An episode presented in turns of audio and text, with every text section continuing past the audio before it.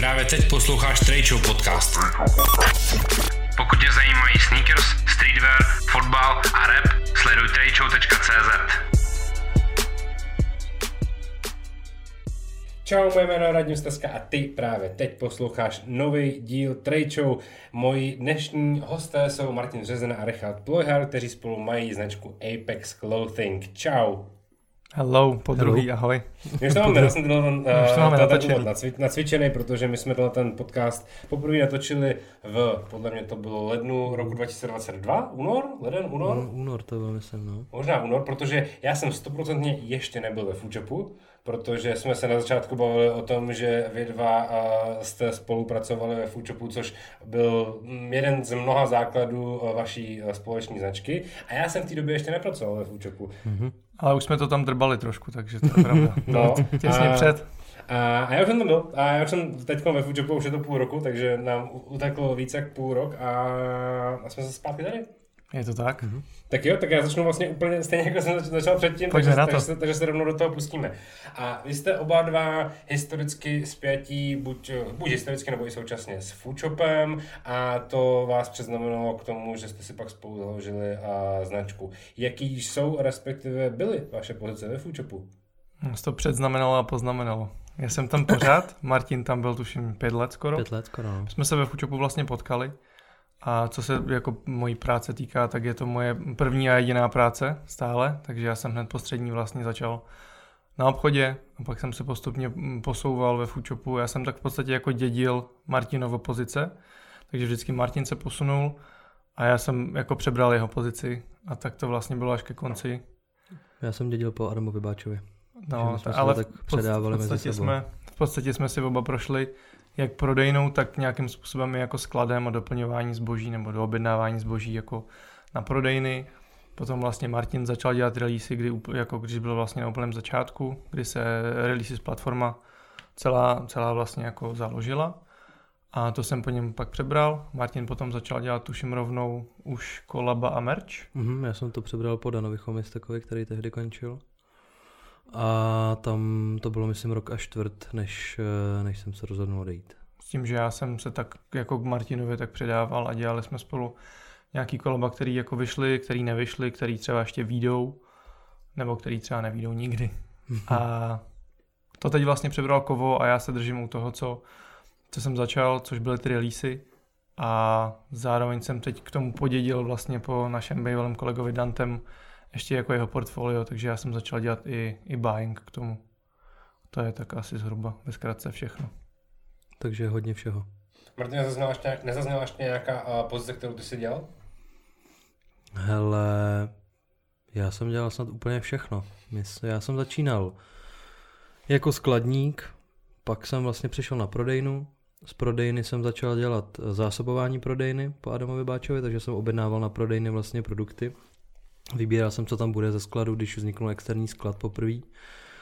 Potom uh, jsme se vlastně, když přišel Tomš, tak jsem se přesunul na, na ty releasy a dělání těch jako speciálních edits, což jsme teda rozjížděli tu platformu releasy s tehdy s Tomšem, to byla taky zajímavá etapa. A tam vlastně tam jsem vydržel nějaký rok a půl, do toho jsme dělali s Adamem YouTube. A... Ano, to je důležité zmínit. Všem bych vám chtěl doporučit, abyste si pustili Sneaker Star na našem YouTube channelu Foodshop. To je výborný. No, to je hrozná bída. A ten vlastně pak nějak pomalu převzal dom a, a já jsem vlastně skončil na nějakých těch jako eh, aparelových kolaboracích a, a vlastně merči, no, protože Kovo vlastně měl od jak živa boty, boty si stále drží, ale teď k tomu přibral i ten, i ten merch a, a vlastně hadry. S tím, že důležité je zmínit, že Martin odešel kvůli tomu, aby dostudoval vysokou školu. Že to byl ten důvod. No, já jsem trošku vyhořel během dělání bakalářky a státnic, takže pak to bylo buď a nebo, že bych zůstal na part-time, anebo šel a bohužel part-time úplně nezafungoval, takže jsme se... Ale, ale. Pokuta. Já jsem chtěl hledat, to je jedno. A jak jsi totiž uh, zmínil, když jo, že uh, Foodshop je tvoje první práce, tak uh, to, to já jsem měl taky. Moje první práce byla kvín, jsem vydržel jsem na 13 let. No, já Jak teď, čekáš, že vydržíš v já teď tahám šestý rok, vlastně v říjnu. V říjnu to bude 6 let. A já nevím, dokud to půjde, tak, to, tak, tak budu rád, jako Doufám, že dlouho. Proč ne? A ještě, jak jste zmínil, to, eh, ten, ten pohled do minulosti v podobě lehce bizarního dneska už Sneakerstaru, tak mi to připomnělo, že by mě zajímalo, co jsem teď chtěl hledat uh, rychle v telefonu, ale uh, reklama na dáme jídlo mě přerušila, jestli jsou stále na YouTube uh, první videa z Kvíncovského YouTubeového kanálu, uh, kde jsou dvě hlavní hvězdy, já a Zběněk Kráček. Ty to jsem asi nikdy neviděl. To je hodně, hodně já zajímavé, jak třeba myslím, si povídáme o Reebok Classics a podobně. Já myslím, že tam jsou. Takže uh, Zbigněk Kráček, shoutout, uh, shoutout Tom, který jsme tady zmiňovali mm-hmm. a uh, shoutout Dano Chomistek. Dano, ještě jsi stále na seznamu hostů do Show a oproti předchozím jmenovaným si stále nebyl. Čekám na tebe. uh, OK. Uh, jak jste se dostali k tomu, že, no, jak, jaká byla první, uh, první důvod, proč jste si založili spolu značku oblečení? Bylo to tím, že jste spolu dělali na Fučupových kolabech? My jsme s Martinem uh, si začali rozumět už v podstatě od mého začátku tam. A dlouho, dlouho jsme jako vlastně nic spolu ale nedělali jako pracovně. A potom, co jsem se dostal do ofisu a začali jsme spolu pomalu dělat jako merch a, a ty různý kolaba, tak jsme zjistili, že máme dost podobný vkus a dost podobný názor na spoustu věcí a líbí se nám, líbí se nám jako v podstatě z velké části jako stejné věci. A nevím, nevím vlastně, na co jsme čekali tak dlouho, hmm. ale asi vlastně jsme rádi, že to trvalo tak dlouho, že jsme si oba jako prošli různý styly oblíkání, různý jako barevné věci a kombinace, až jsme dospěli do, do fáze, kdy teď dokážeme fungovat jako na podobné bázi. I, I ten vkus se nám ještě víc, bych řekl, jako slil dohromady. Takže teď jsem trošku odbočil, co byla přesně otázka. Uh, jaký byl ten první moment, kdy jste si řekli, že dáte dohromady svoji vlastní značku? No, jako já si myslím, že ještě abych to doplnil, tak klíčový moment bylo to, že vlastně člověk jako nějakou tu kreativu a tu kreativní vizi předává tomu zaměstnavateli, takže pro mě to byl vlastně foodshop. A když celý den to vlastně řešíš v práci, tak už na to nemáš moc pak sílu doma, na mhm. tyhle ty věci. Takže takový ten jako impuls toho, že, že teda pojďme něco udělat do určitý míry asi bylo to, že já jsem vlastně ve foodshopu skončil, nebo věděl jsem, že budu končit a tak nějak jako vlastně Ríša přišel s tím, že hele... Ona s tím vlastně přišla moje, moje přítelkyně Nina, kdy my jsme tak jako trošku zoufalí seděli, to bylo začátkem covidu tuším. Mm-mm. Před covidem ještě? To bylo ještě před covidem, bylo léto 2019. Tak nějak jsme tam tak jako zoufalí seděli a říkali jsme si, co jako budeme dělat, že bychom chtěli mít nějaký vlastní biznis, nějaký vlastní projekt, jako co by, co by mohlo být to, co bychom mohli dělat. A on říká, hele, proč s tím Martinem si nezložte brand? Já říkám, no, víš co, nevím. Jak jsem napsal Martinovi, Martin mi napsal jo a tehdy to vlastně začalo. A, a pár měsíců na to jsme dropovali vlastně první, první nějaký náš drop, to bylo tuším v prosinci. No možná kesám, si... možná to je 2020. 20. Jo, no, myslím, že to bylo v covidu, že to je další covidový projekt. Hmm. A my jsme si někdy jako koncem léta řekli, že pojďme do toho a v prosinci jsme vydávali vlastně první, první nějaký drop. To znamená, že to bylo vlastně docela rychlý. Bylo mi tím, že jsme jako vlastně věděli, co chceme, jak chceme, tak to bylo v podstatě jednoduchý. Jsme potřebovali zjistit, jak se dělá web, jak to celý funguje, co je potřeba koupit, zaplatit, vyrobit, objednat. A pak jsme to nějak tak poskládali dohromady, ale tím, že já jsem vlastně, nebo respektive můj táta má grafický studio a učil mě nějaký základy, tak já jsem jakž tak věděl, jak pracovat s ilustrátorem a s Corel Draw a podobné věci, takže my jsme byli i schopni si ty designy udělat sami, z Fučobu jsme věděli, co kde stojí vyrobit, jak se to má dělat, nemá dělat, jaký jsou různé technologie tisku. A pak už jsme vlastně akorát jako řešili detaily, naučili jsme se, jak se dělá jako web, nějaký úplně základní. A to bylo vlastně všechno, co je potřeba. No. A ve finále, pokud člověk jako nemá úplně velký oči, oči od začátku, tak není potřeba ani nějaký úplně obrovský budget jako na to, aby to člověk začal dělat. Takže my jsme svoje úspory dali dohromady a tak to vlastně vzniklo a od té doby se snažíme to dělat dál a, a, a tak. No. uh, poslední odbočka k Foodshopu, jak jste zmiňovali uh, o těch kolabech, které vyšly, nevyšly a podobně. Který kolabo ve Foodshopu nevyšlo? Který už se dá prozradit dneska, protože se možná už nikdy nestane, anebo mi klidně řekněte, který kolabo se nestalo a možná se stane. Já nevím, jestli můžu říct, že se to nikdy nestane. Já doufám, že všechny z nich se stanou. Tak je všechny pojmenou tak, že se stanou, a se nestaly v minulosti. To nemůžu takhle. zrovna, zrovna ty jako brandák bys měl chápat, že to tady nemůžeme takhle Naopak, propálit. Já jako, já jako brandák chci líkovat všechny nejzajímavější informace tak, aby vzniknul bas. A my jsme třeba měli rozdělený projekt, tam, tam se to asi nedozví, takže my jsme měli rozdělený projekt třeba s Medicomem, Mhm. který teď jsme se s Kovem bavili, že bychom chtěli obnovit. Takže to je jedna z věcí. Potom tam byl... Nevím, jestli to takhle můžeme tady Ne, nevím, jestli to můžeme propálit. propálit. Na tom se dělalo docela dlouho. My jsme, a... my jsme dělali s jedním z největších výrobcem čepic, jsme dělali společnou kolekci, která byla jako velmi hezká, velmi tematická a tehdy i zapadala do brandové strategie té značky, což, by, což bylo jako globální oteplování, ale než se to celý stihlo vlastně dokončit, tak oni změnili strategii a začali se brandově fokusovat na něco jiného, takže už jim to nezač- nezapadalo vlastně do jejich, do jejich strategie a tím pádem se to začíná dělat od začátku. Takže to ještě bude. Doufejme. A potom jsme dělali spoustu jako verzí merče, kdy my jsme vlastně s Martinem, nebo jako Martin byl ten, který vlastně tehdy ještě pod Franceskou začínal nějaký foodshop merch vlastně dělat. Takže na tom jsme strávili hodně času. Ať už to byly různé jako ilustrace, ať už to byly různé jako grafiky, jako typografie. Takže na tom jsme strávili spoustu, spoustu času a udělali jsme spoustu návrhů a verzí, které nikdy nevyšly a už nevídou. A co se těch koleb týká, co jsme tam ještě měli? Asi, asi jsme řekli všechno, podle mě. Jsme na něco zapomněli určitě.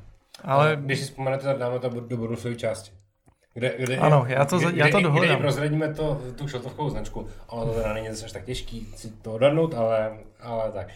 A ještě se jednou vrátím k tomu, jak jsem se říkal, že vlastně ten začátek byl docela rychlej. A ptám se na to z toho důvodu, no řek, zmíním to z toho důvodu, že vy jste dřív měli ve vašem uh, bio větu on hunt for the best fitting and quality garments.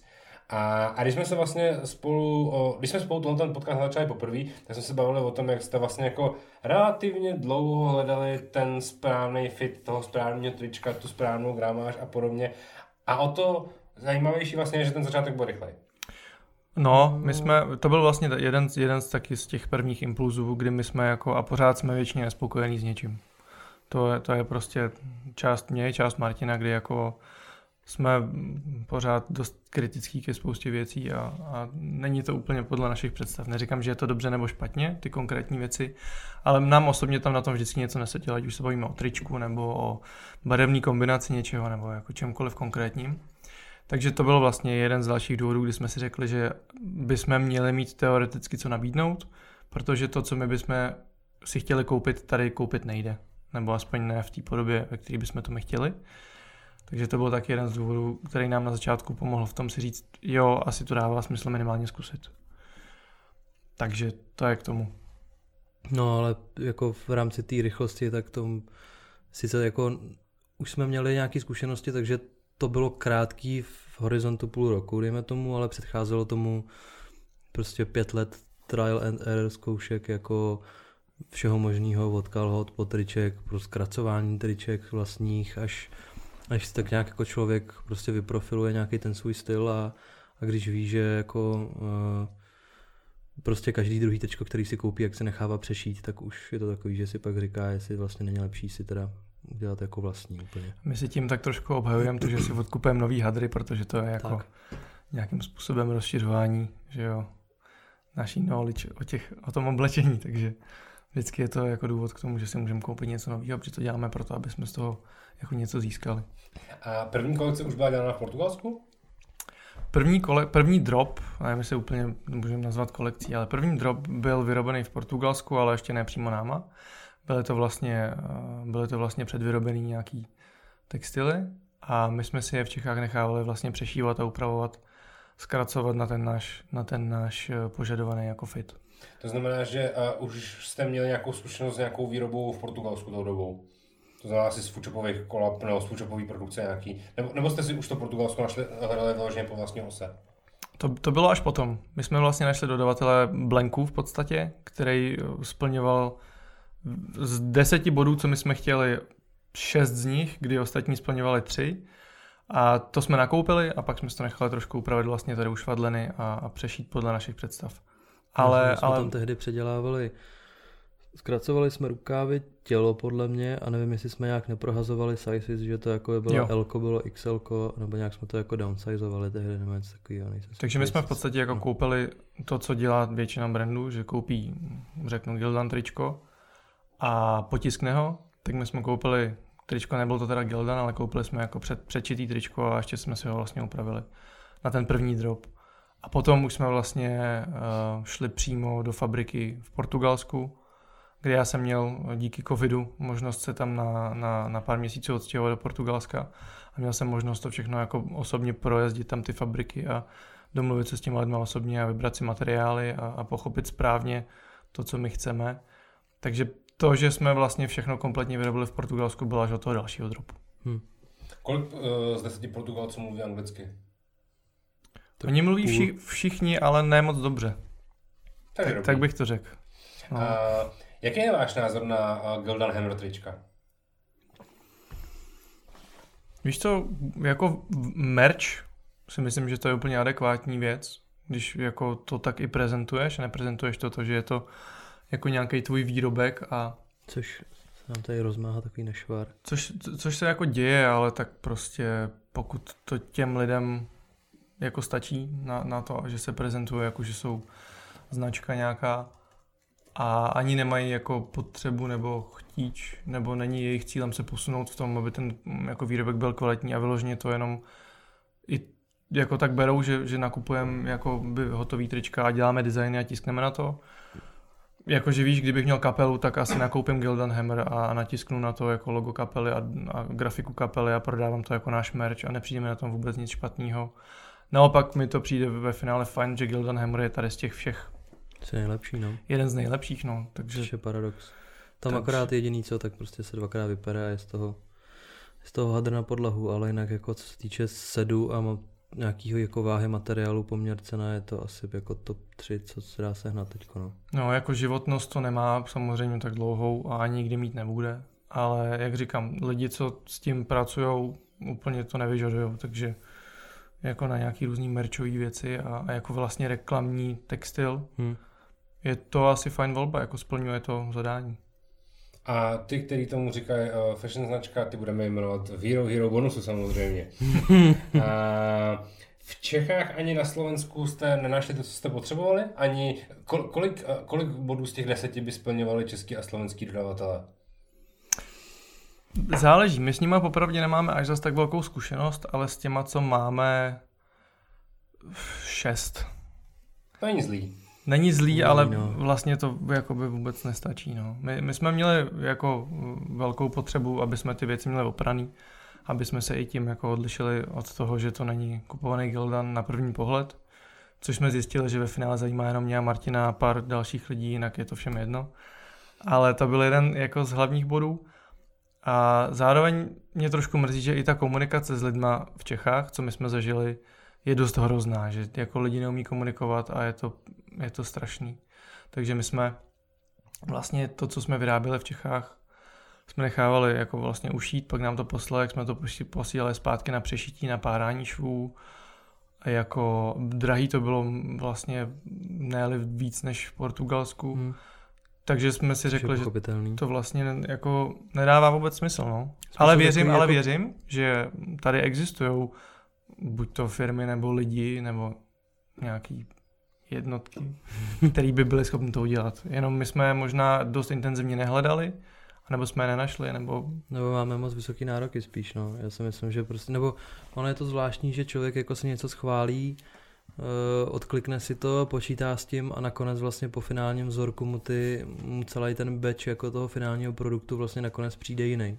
Jo, je to otázka, prostě byl to jenom šéf, ale, ale jako pro nás jenom šéf je to, co jako dělá ten hlavní rozdíl, takže nám to jako u nás to nefunguje tak, že bychom si řekli, no tak necháme to být, prostě jsme to poslali celý zpátky na přešití a, a, a řešili jsme to, takže, takže jako naše česká zkušenost je bohužel hmm. hmm. tím trochu A bohužel, co ještě musím říct, že je velký rozdíl, je, že je to jako odfláknutý. Že ty švy, které mají být jako hranatý rohy, jsou zakulacený, protože na tom stroji to samozřejmě jako otočíš mnohem jednodušší, že jo.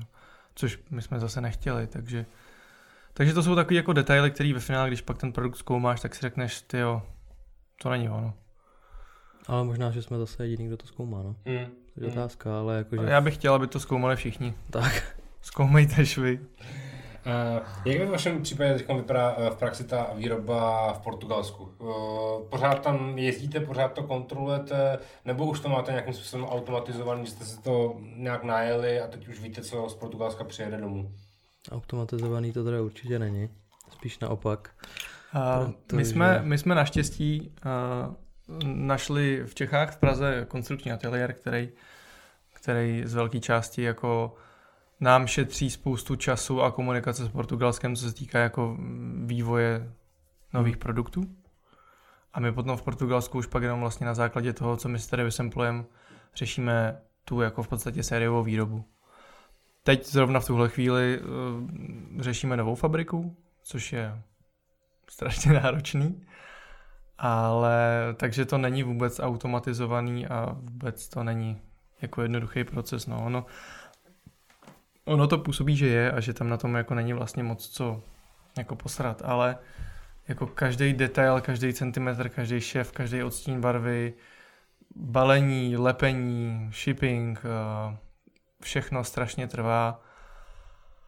A hlavně jsou tam takový záseky, který by člověk jako nepředpokládal, že se stanou, takže eh, člověk má předdělaný prostě paterny na věci v nějakém formátu a teď se dva týdny dohaduje s Portugalskem, že jim ten formát nejde otevřít a že to potřebují v jiném formátu, takže jde zpátky ke svý švadleně tady, aby to přeexportovala do jiného, ten jim taky nejde a vlastně pak se sekne na tři týdny, na dva týdny na takovýhle věci, která vlastně by ho ze začátku ani nenapadla, že se může stát, protože vlastně v oblbej formát, který ty jejich ačkoliv je jako unifikovaný a používá se všude stejný, tak eh, to nebyli schopni vyexportovat a tím jsme se zase protáhli celou výrobu, takže se stávají prostě v neustále nějaký fuck upy, který, který člověk nepředpokládá, ale musí počítat s tím, že se něco stane a že se to vždycky protáhne prostě o jednou tolik toho času, co si na to člověk jako dá. No, jako ni- nikdy nic není včas, ani na první pokus, ani na druhý.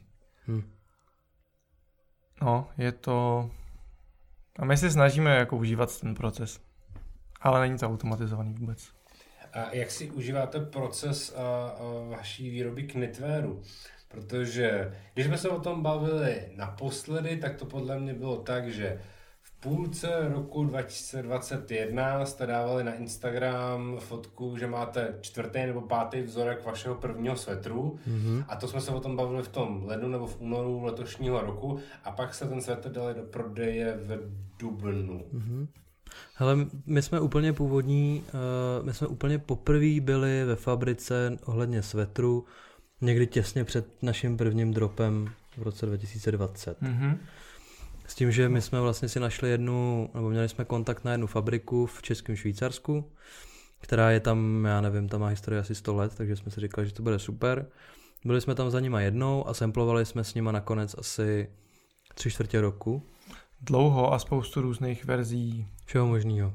Jako Šál, svetru, respektive hlavně jako Úpletů. dílů, úpletů, grafiky, eh, šál a nakonec jsme se vlastně nebyli ani po pěti samplech schopní dobrat nějakého jako kloudného výsledku, aby jsme byli spokojení s čímkoliv, co nám No. vlastně přišlo. Já si myslím, že oni moc nepochopili to, co my se snažíme jako udělat. Že oni, když se řekne jako svetr, i když byl třeba černý jenom, tak oni vidí jako tenkej, příjemný, uplej jako svetřík, Hm. takový ten jako business casual.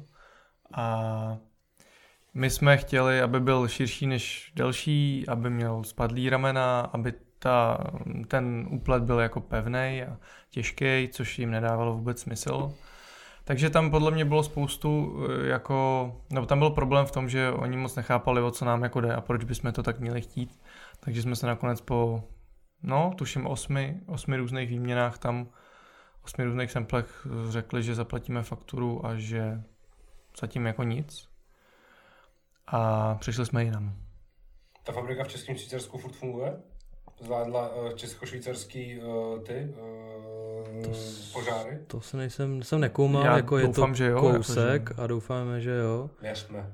ale Ale- já myslím, že jo. No, jakože jinak samozřejmě byli milí a všechno bylo super, jenom jsme se nepochopili produktově, ale doufám, že to teda zvládli, že se jich to nějak nedotklo. Hlavně to je velk, jako obrovská výroba, jedna jako z největších pleterských u nás, takže věřím, že to jako nebylo tak, že by nepřežili covid a my jsme Hmm. jako jim zrujnovali biznis tím, že jsme tam neudělali 20 svetrů, ale... A kam jste šli pak dál teda eh, dělat setry? Já jsem potom nějakou náhodou úplně narazil na Mikuláše Brucknera, který se zajímá, nebo který jako dělá, dělá uh, s Knitwearem. A přes něj jsem dostal kontakt na našeho současného výrobce Knitwearu a tam teď teda děláme. No. Takže to bylo, doufám, že říkám, doufám, že říkám to jméno správně. Říkám to správně? Co? Mikulášovo jméno, jmenuje se Mikuláš, že jo? Já doufám, že jo. Ano, Mikuláš Bruckner nám moc pomohl, takže děkujem. A výrobce je v Čechách? Ano. Ano, Výrobce v Čechách je v Králův, Dvů- Dvůr Králové Dvůr nad, Labem, Králové, ano. nad Labem a je to, je to velký frajer. No. A jo, vyšel nám strašně moc vstříc v našich kvantitách, protože to je klasický problém na začátku každého brandu, že ne, nejsi schopný vyrobit toho hodně. Hm. Většinou jsou minima 100, 200, 300 kusů. My jsme těch svetrů dělali 25, 30? 30 nakonec, no. 30 svetrů jsme dělali, což by nám většina lidí ani nebyla schopná vyrobit. Ale jeho naopak bavilo to, že chceme něco jiného, než dělat normálně, že to pro něj byla taková trošku výzva. Sedli jsme si, myslím, docela lidsky, takže, takže díky tomu vlastně jsme byli, měli možnost to tam vyrobit a vyrábíme doteď a děláme teď na dalších věcech. Hm. Jak, se- jak se nakousnu to téma těch kvantit, a když jste dělali kolabo s Foodshopem, který bylo v prosinci minulého roku, byla to největší kvantita, eh, kterou jste kdy dělali pod vaším jménem? Určitě. Ano, nám to vlastně umožnilo to uh, na plný možnosti využít to Portugalsko. Takže my jsme se jako ve spojení našich kvantit pro naše další dropy a, toho kolaba s Foodshopem dostali na, na dostatečný v podstatě počty k tomu, aby jsme mohli využít mm, jako plně kvalitní tisk, aby všechno bylo včas a správně a aby tomu vlastně věnovali uh, dostatečný jako dostatečně času a úsilí k tomu, aby to jako za to stálo. Hmm. Protože ono přece jenom z jejich pohledu, pokud se necháš vyrobit 50 věcí nebo 5000 věcí, samozřejmě velikost toho accountu taky hraje roli v tom přístupu. Kdy i on sám, majitel té fabriky mi to řekl a mi říká, hele, Trapstar tady nám dělá prostě 5000 triček týdně. Jo, dělá tohle, vyprodá to, zavoláme, potřebuji restock, přestaneme dělat všechno, šijeme prostě Trapstar trička, aby je měli, aby to stihli zase prodat. Takže, takže nám to pomohlo v tom, že jsme se dostali na takové kvantity, aby nás jako vlastně brali vážně a, a nemysleli, jsme, že, nemysleli si, že jsme tady nějaké jako úplně amatéři. Takže, takže ano. Uh, pak jste začali dělat už do spoustu dalších věcí a měli jste šperky, máte mídlo, začali jste dělat drobné věci ala totebagy a podobně. Uh, máte nějaký jako line-up věcí, které byste si chtěli vyzkoušet a které byste chtěli udělat a jenom to postupně oškrtáváte, nebo vás prostě jako napadne, tak teď pojďme udělat tohleto a hned to jdete, řešit. Všechno. My chceme udělat úplně všechno. Všechno, co máme rádi, si chceme udělat v nějakém tom vlastním jako pojetí, no. Mně by se líbilo, mm, jako, nevím, aby jsme navrhli design auta, nebo jako postavili barák, nebo jako víš, no, všechno chceme, co, jaký budou možnosti, tak to chceme využít, no. Teď třeba děláme na, na skvělých projektech, ke kterým se asi můžeme dostat později, ale uh, jak říkáš, dělali jsme mídlo, my s Martinem jsme velmi jako čistotní, máme rádi voňavky a mejdlíčka a šamponky a, a, a tak, takže, takže jsme si řekli, že by bylo jako, jako hezký doplnit tu kolekci o něco zajímavého a my sami máme doplňky rádi a dokážeme ocenit, když si Prim dělá hezký, hezký doplňky a podobné brandy. Takže mídlo bylo vlastně první, co jsme udělali, Hmm. jako doplněk tuším. Potom jsme dělali prsteny, teď právě máme další prsteny ve výrobě. Svíčka byla první, co jsme Svíčka byla, ano. Svíčka s naším kamarádem Dantem, který už jsem zmínil předtím. Takže to jsme dělali ještě svíčku. A kdy taky jsme jako vybírali olej a slejvali, nebo jako oni to slejvali, ale taky to nebylo tak, že bychom koupili svíčku a polepili ji, ale, ale dali jsme si s tím jako práci a hlavně teda Dante a oni, jak si s tím dali práci. A všechno, co máme rádi, chceme udělat, no. Hmm. My jsme vlastně začali samplovat i boty, to už je tuším rok, rok a čtvrt zpátky Mhm. s jedním vlastně shoemakerem eh, z Itálie, takový starý pán. Který tě volá Ricardo. Který mi říká Ricardo, everything is possible. Ale už nám nikdy neodepsal za posledního tři čtvrtě roku. Takže my jsme No, vlastně To s byla ním... bizarní story s tou Afrikou tehdy přece.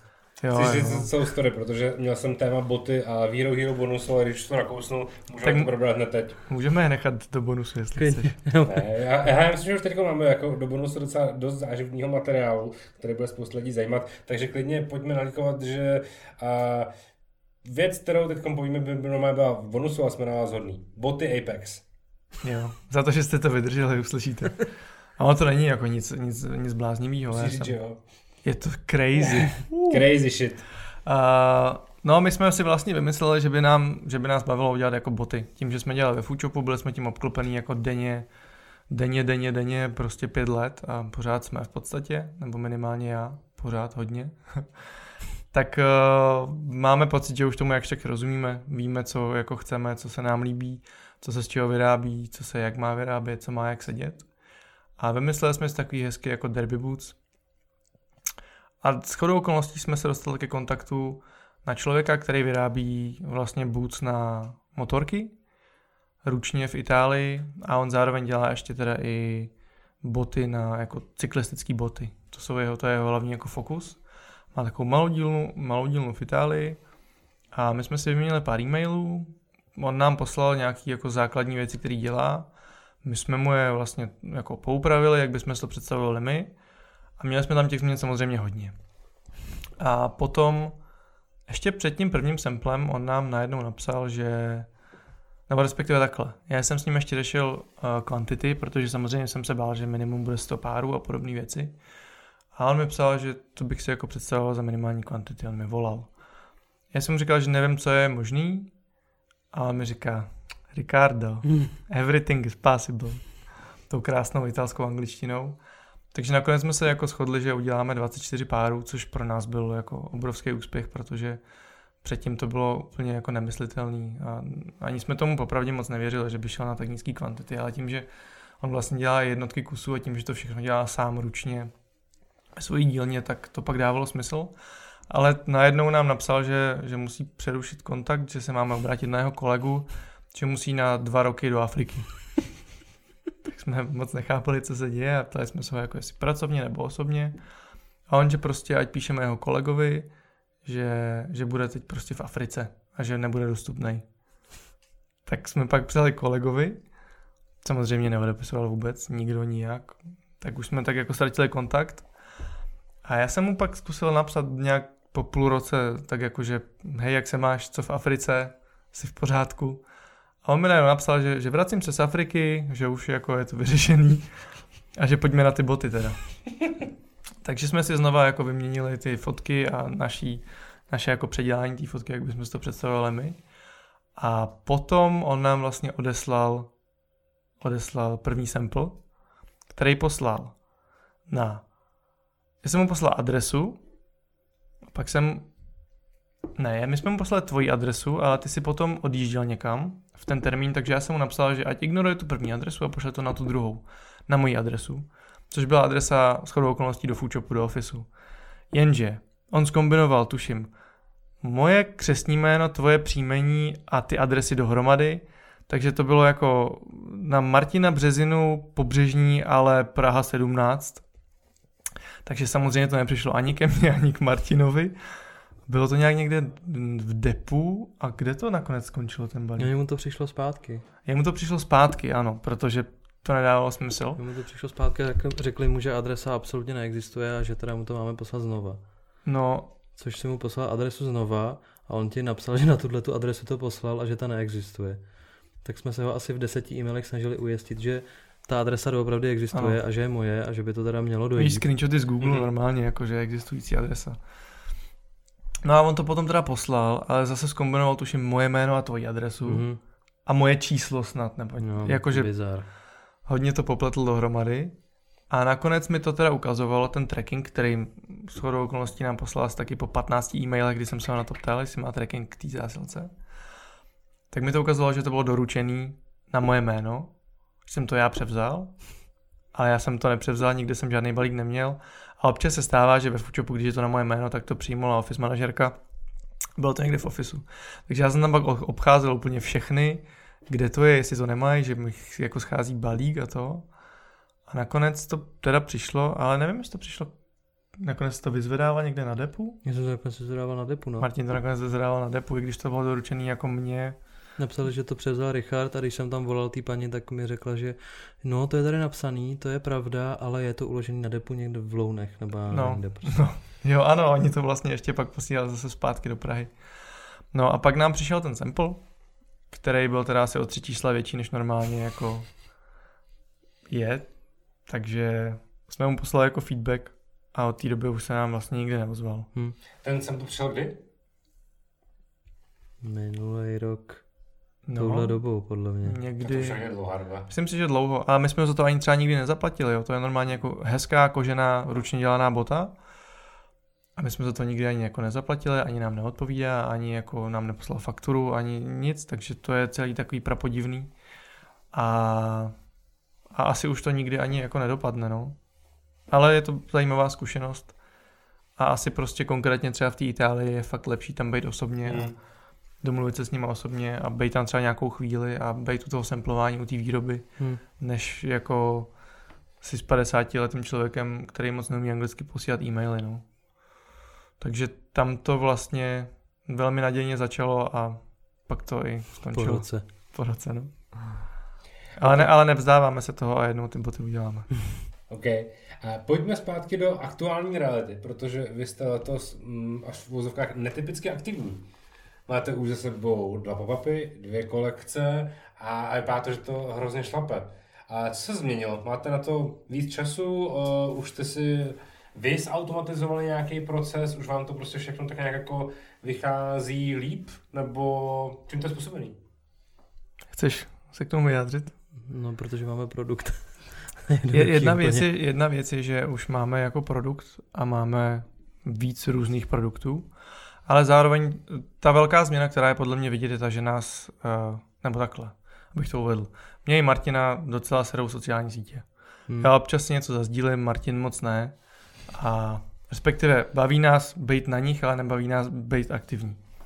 A my jsme si uvědomili, že jako to je potřeba změnit, že, že musíme být jako Apex aktivní na sociálních sítích, tím pádem potřebujeme content.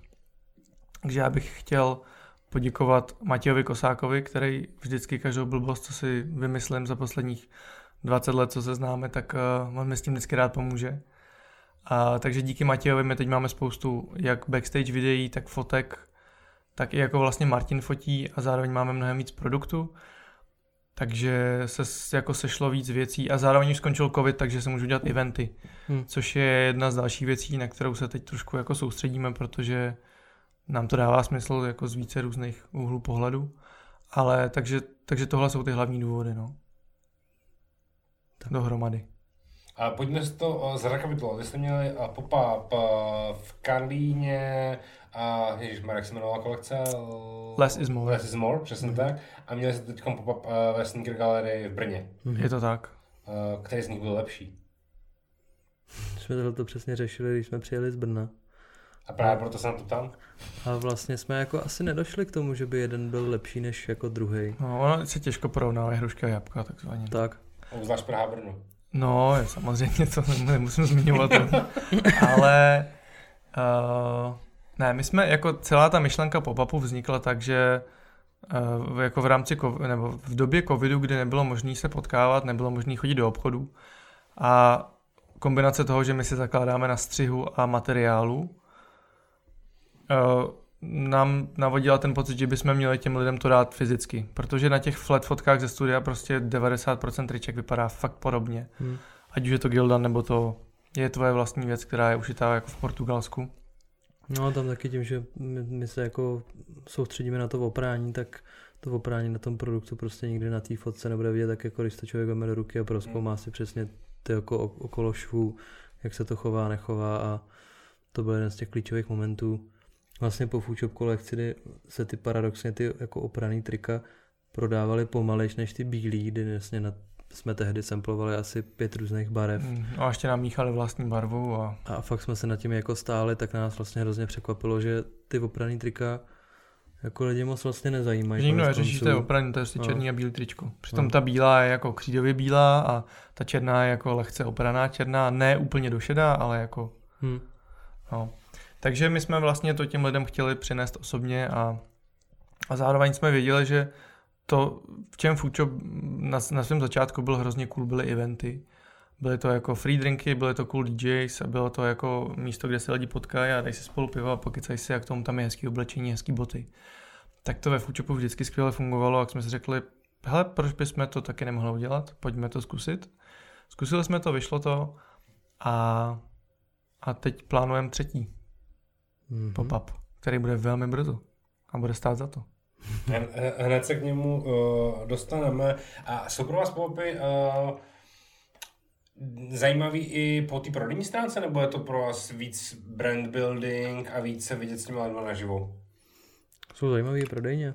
Pro nás to až vlastně jako překvapilo, nebo mě osobně to překvapilo, jak, eh, jak dobře to vlastně funguje. A já mám trošku pocit, že třeba u té první kolekce, kdy jsme dělali pop-up, kdyby jsme to dali jenom online, tak by dohromady v tom součtu byly ty prodeje nižší. Že my jsme vlastně udělali pop-up, co se prodalo offline se prodalo a zbytek šel online, kde se taky něco prodalo, ale kdyby jsme udělali jenom online drop, tak by se toho neprodalo paradoxně tolik. Mhm. Takže mně osobně vlastně ta kombinace offline a online prodeje přijde super. Respektive offline premiéra a online do prodej. V podstatě tak, no. Ano. OK. Takže jo, jo. Jenom třeba v tom Brně bylo zajímavý, že samozřejmě ty prodeje nebyly tak vysoký, jako byly v Praze, ale zároveň v Praze bylo jako velká, velká část těch prodejů našim známým. Jo, řeknu třeba 80% mohli být naši známí, kamarádi, rodina a tak podobně. Když to v Brně z těch věcí, co se tam prodalo, ani jednoho toho člověka jsme neznali osobně. A prodalo se tam jako dost věcí, což pro nás byl jako velký úspěch a velmi příjemný překvapení. Když jsme u toho Brna, tak bych chtěl znovu uh, ještě jenom na hlas akcentovat. I Míra Hejda mi potvrdil účast uh, v, v Trade podcastu, takže zdravíme do Brna a do Sneaker Gallery. Míro, čekám na tebe. Zdravíme Míru, Míra je skvělý. Míra se od nás, ono to, to, že to bylo u Míry, vzniklo tak, že on se od nás koupil vlastně dvě trička, si objednal online. A normálně za full price, nedostal nic zadarmo, vůbec jsme se neznali. A do té doby, než jsme dělali pop jsme se vlastně nikdy ani osobně Hmm. nepotkali. Takže já jsem mu pak napsal e-mail, on napsal, hele, děláme, budeme mít narozeniny, nechcete to spojit? My jsme si řekli, cool. Během šesti e-mailů jsme to celý domluvili a byl pop-up. Jo, takže tam přesně bylo vidět to, že když jsou lidi schopní komunikovat, tak to je velmi jednoduše a všechno dopadlo tak, jak jsme zhruba naplánovali. No, hlavně jsme se vlastně na pop potkali úplně poprvé. Tam jsme se jako podali ruce a řekli jsme si čau, já jsem Richard, když jsme vykládali jako krabice s věcma. Takže, takže to bylo super a já si myslím, že se tam vrátíme třeba příští rok někdy zase Hmm, do Brna. Určitě. Chemie funguje. Hmm. Super, tak to být. tak? Uh, nejbližší kolekce a nejbližší plány. Uh, je to je to pivo, nebo je tam ještě nějaké oblečení? Uh, Pojďme to říct všechno. dobře, tak Martin, nedej úvod a já doplním. Úvod čeho? Co nás teď čeká? No, 13.10. 13. To znamená přesně za měsíc touhle dobou. To je Přesně důležitý datum. No, už jako dlouhodobě máme oba dva velmi kladný vztah, vztah k pivu. Řekl bych, že možná až morbidně uh, kladný občas. Mm. Hmm. Tohle to slovo je nezdravý. No, Podle mě, podle mě to je nadšení. tak. Člověk musí mít nějaký koníčky. A zdraví. A říkali jsme si, že, že jakoby jsme chtěli uh, vyzkoušet nějaký nový pivo, respektive svoje vlastní pivo, protože já vlastně přes mého kamaráda jsem se jako za poslední rok dostal rok a půl k ochutnávání jako piv celosvětového rázu, různých od uh, prostě českých stylů až po přesně americký styly. Takže k tomu mám velmi kladný vztah. A tak jsme o tom jako, nebo s tím nápadem koketovali, dejme tomu od začátku tohohle roku. Plus A jako minus. kdo by nechtěl mít vlastní pivo, že? Tak no, Když ho máš rád. tak, tak. Já bych tak. chtěl vlastní pivo. Víš, jakože to vždycky bylo takový, jakože ty jo, To bylo, bylo by, super. bylo by super mít vlastní pivo. Hm. A ještě malá vsuvka, Martin předtím pracoval externě pro pivovar americký. Tak, s přítelkyní. Takže, takže jsem k tomu jako nahlídnul i z té jako druhý, druhý strany nějakého toho pivovarnictví a to- té výroby. A přišlo mi to vlastně hrozně zajímavý celkově ten proces, a, ale jako samozřejmě teďko se učit nějaký jako domovarnictví nedává úplně, úplně smysl. A pak vlastně přišli kluci s... My jsme si psali asi 14 dní předtím, než vzniklo repivo, nebo ohlásilo se repivo tehdy, mm. že Mhm. bychom jako mohli udělat vlastní pivko, že by to stálo za to a v zápětí na to vlastně ohlásili kluci z repu, že budou dělat vlastní pop-up s pivem, což nás tak jako nadchlo k tomu, že Bylo to cool, shoutout obora, shoutout rap. přesně, že, že Shoutout jako oborap. jsme do toho měli jít taky. Bylo to cool, my jsme si tam přesně řekli, že ty jo, dívej, jak to funguje, je to fakt dobrý. Hm. A v Čechách by tohle prostě mělo fungovat. Nevidím důvod, proč by to nefungovalo. Je fantastický to, že, že, že ho vlastně jako dodělávali a dodělávali ho do plechovek, aby se prostě mohlo furt neustále prodávat a vlastně ono je dneska Cool. pořád pro, pro, pro, v prodeji, že to není žádný jako pop-up pivo, žádná jednorázovka, ale udělali z toho prostě general release. Super, já tomu fandím strašně. Všichni to To je skvělý spojení a já si myslím, že ale každý, kdo jako dělá nějaký hadry nebo se pohybuje ve fashion, většina těch lidí má ráda pivo. Jo, spousta lidí pije pivo, v Čechách pije většina lidí pivo, co já znám. Takže mě to spojení i tady těch dvou jako světů, který vlastně působí, že si nejsou tak blízký, tak je vidět, že jsou. Takže mi to dávalo smysl i tady z toho pohledu, že Je vlastně zajímavý, že Obora Rap je první takovýhle pivní kolabo, přitom je to fakt jako vlastně logický, že takový věci mají vznikat furt. První fashion pivo, no. Jo, ne, je to super. Je to super. A mě jako vždycky bavily kolaba, které jsou trošku jako mimo segmentový. Takže jo, takže jsme se pustili do piva, no. A hlavně jako ve světě to není zase úplně jako něco mimo, že jo, Pelis. Arto a, a podobné věci jako existují. V Americe je to taky docela běžný. Tam těch mini pivovarů jsou prostě statisíce, takže, takže to jako celosvětově dává velký smysl a paradoxně u nás v Čechách, kde je to pivovarnictví si myslím jako historicky zakořeněný možná nejvíc na světě, tak to vlastně vzniklo letos poprvé, což, což je zvláštní a myslím si, že jako spousta takových dalších kolaborací bude, bude navazovat a my jsme další na řadě. Určitě, no. A my jsme se vlastně potkali s Michalem, respektive ty jsi se s ním seznámil. Mm, já jsem objevil vlastně eh, v někdy v dubnu letošního roku eh, během svých jako toulek eh, pivotékama jsem objevil novou značku, která mě zaujala etiketou, protože Jak se klasicky říká, nesuď knihu podle obalu. přesně Já to dělám a je to dobrý. Když je dobrý obal, většinou je dobrý obsah. tak. Takže, takže jsem si říkal, že to jako vyzkouším to pivo. Pořád A- neřekl jeho název. No, to, to přijde. Aha, ok. a musíte mít nějaký build-up. A vlastně jako ochutnal jsem první pivo, zapsal jsem si ho jako do svého pivníčku takzvaně na, na telefonu a, a nějak jsem tomu už jako nedával, uh, nedával jsem tomu nějak jako pozornost. A pak jsme začali řešit nějak víc teda, že by jsme mohli oslovit nějaký lidi nebo nějaký značky v Čechách ohledně toho, že chceme teda udělat vlastní pivo. Nám ještě přišlo cool, že tuším ve Švédsku je pivovar, který se jmenuje Apex, Hm. že bychom jim napsali a řekli, hej, vy jste Apex, my jsme Apex, vy děláte pivo, my ho rádi pijem, pojďme ho udělat společně. Ale k tomu jsme se nedostali, protože Martin objevil Michala. No a pak vlastně s vydáním jeho dalšího piva uh, jsem si řekl, že teda zkusím mu napsat a Michal z takzvaně Nouzibu nám odepsal. Michal Nouzip. Michal Nouzib, což uh, je vlastně Bizon pospátku, protože Michalův táta je majitel pivovaru Bizon a, a. Sládek, uh, respektive majitel. A Michal nám odepsal, uh, chvilku jsme si psali na Instagramu a během, já nevím, týdne jsme si dali první meeting. Já myslím, že, no, že to byl přesně jak týden, dali jsme si, dali jsme si spolu kafe a on nám hned přinesl piva na ochutnávku. A bylo to teda na popud toho, že to pivo bylo fakt dobrý. Že to bylo jako nekonvenční, dobrý, kyselý prostě pivo, ovocný. A člověk už když má něco ochutnaný a pak přijde jako, nebo objeví něco nového, co vlastně jako ještě nezažil, tak, eh, tak ho to fakt osloví. No. Takový Takže, pivní, český pivní poprvý. tak. Ale hlavně Michal je hrozně cool a on e, vlastně vystudoval Umprum, studoval grafiku, takže my jsme se i jako tady z toho pohledu vlastně strašně pochopili a je strašně jednoduchý s ním. Teď jsme dělali etiketu, trvalo nám to asi čtyři zprávy na Facebooku. Hm, Protože Michal je prostě Je fakt dobrý, jakože my, si, my jsme si vymysleli, co by se nám líbilo. Michal poslal tři verze etikety a ta třetí jako je finální. během Jo. tří hodin to bylo hotový. Jo, my jsme s Martinem seděli u moře, pili jsme pivo a psali jsme si, jako psali jsme Michalovi, co by se nám tak jako líbilo.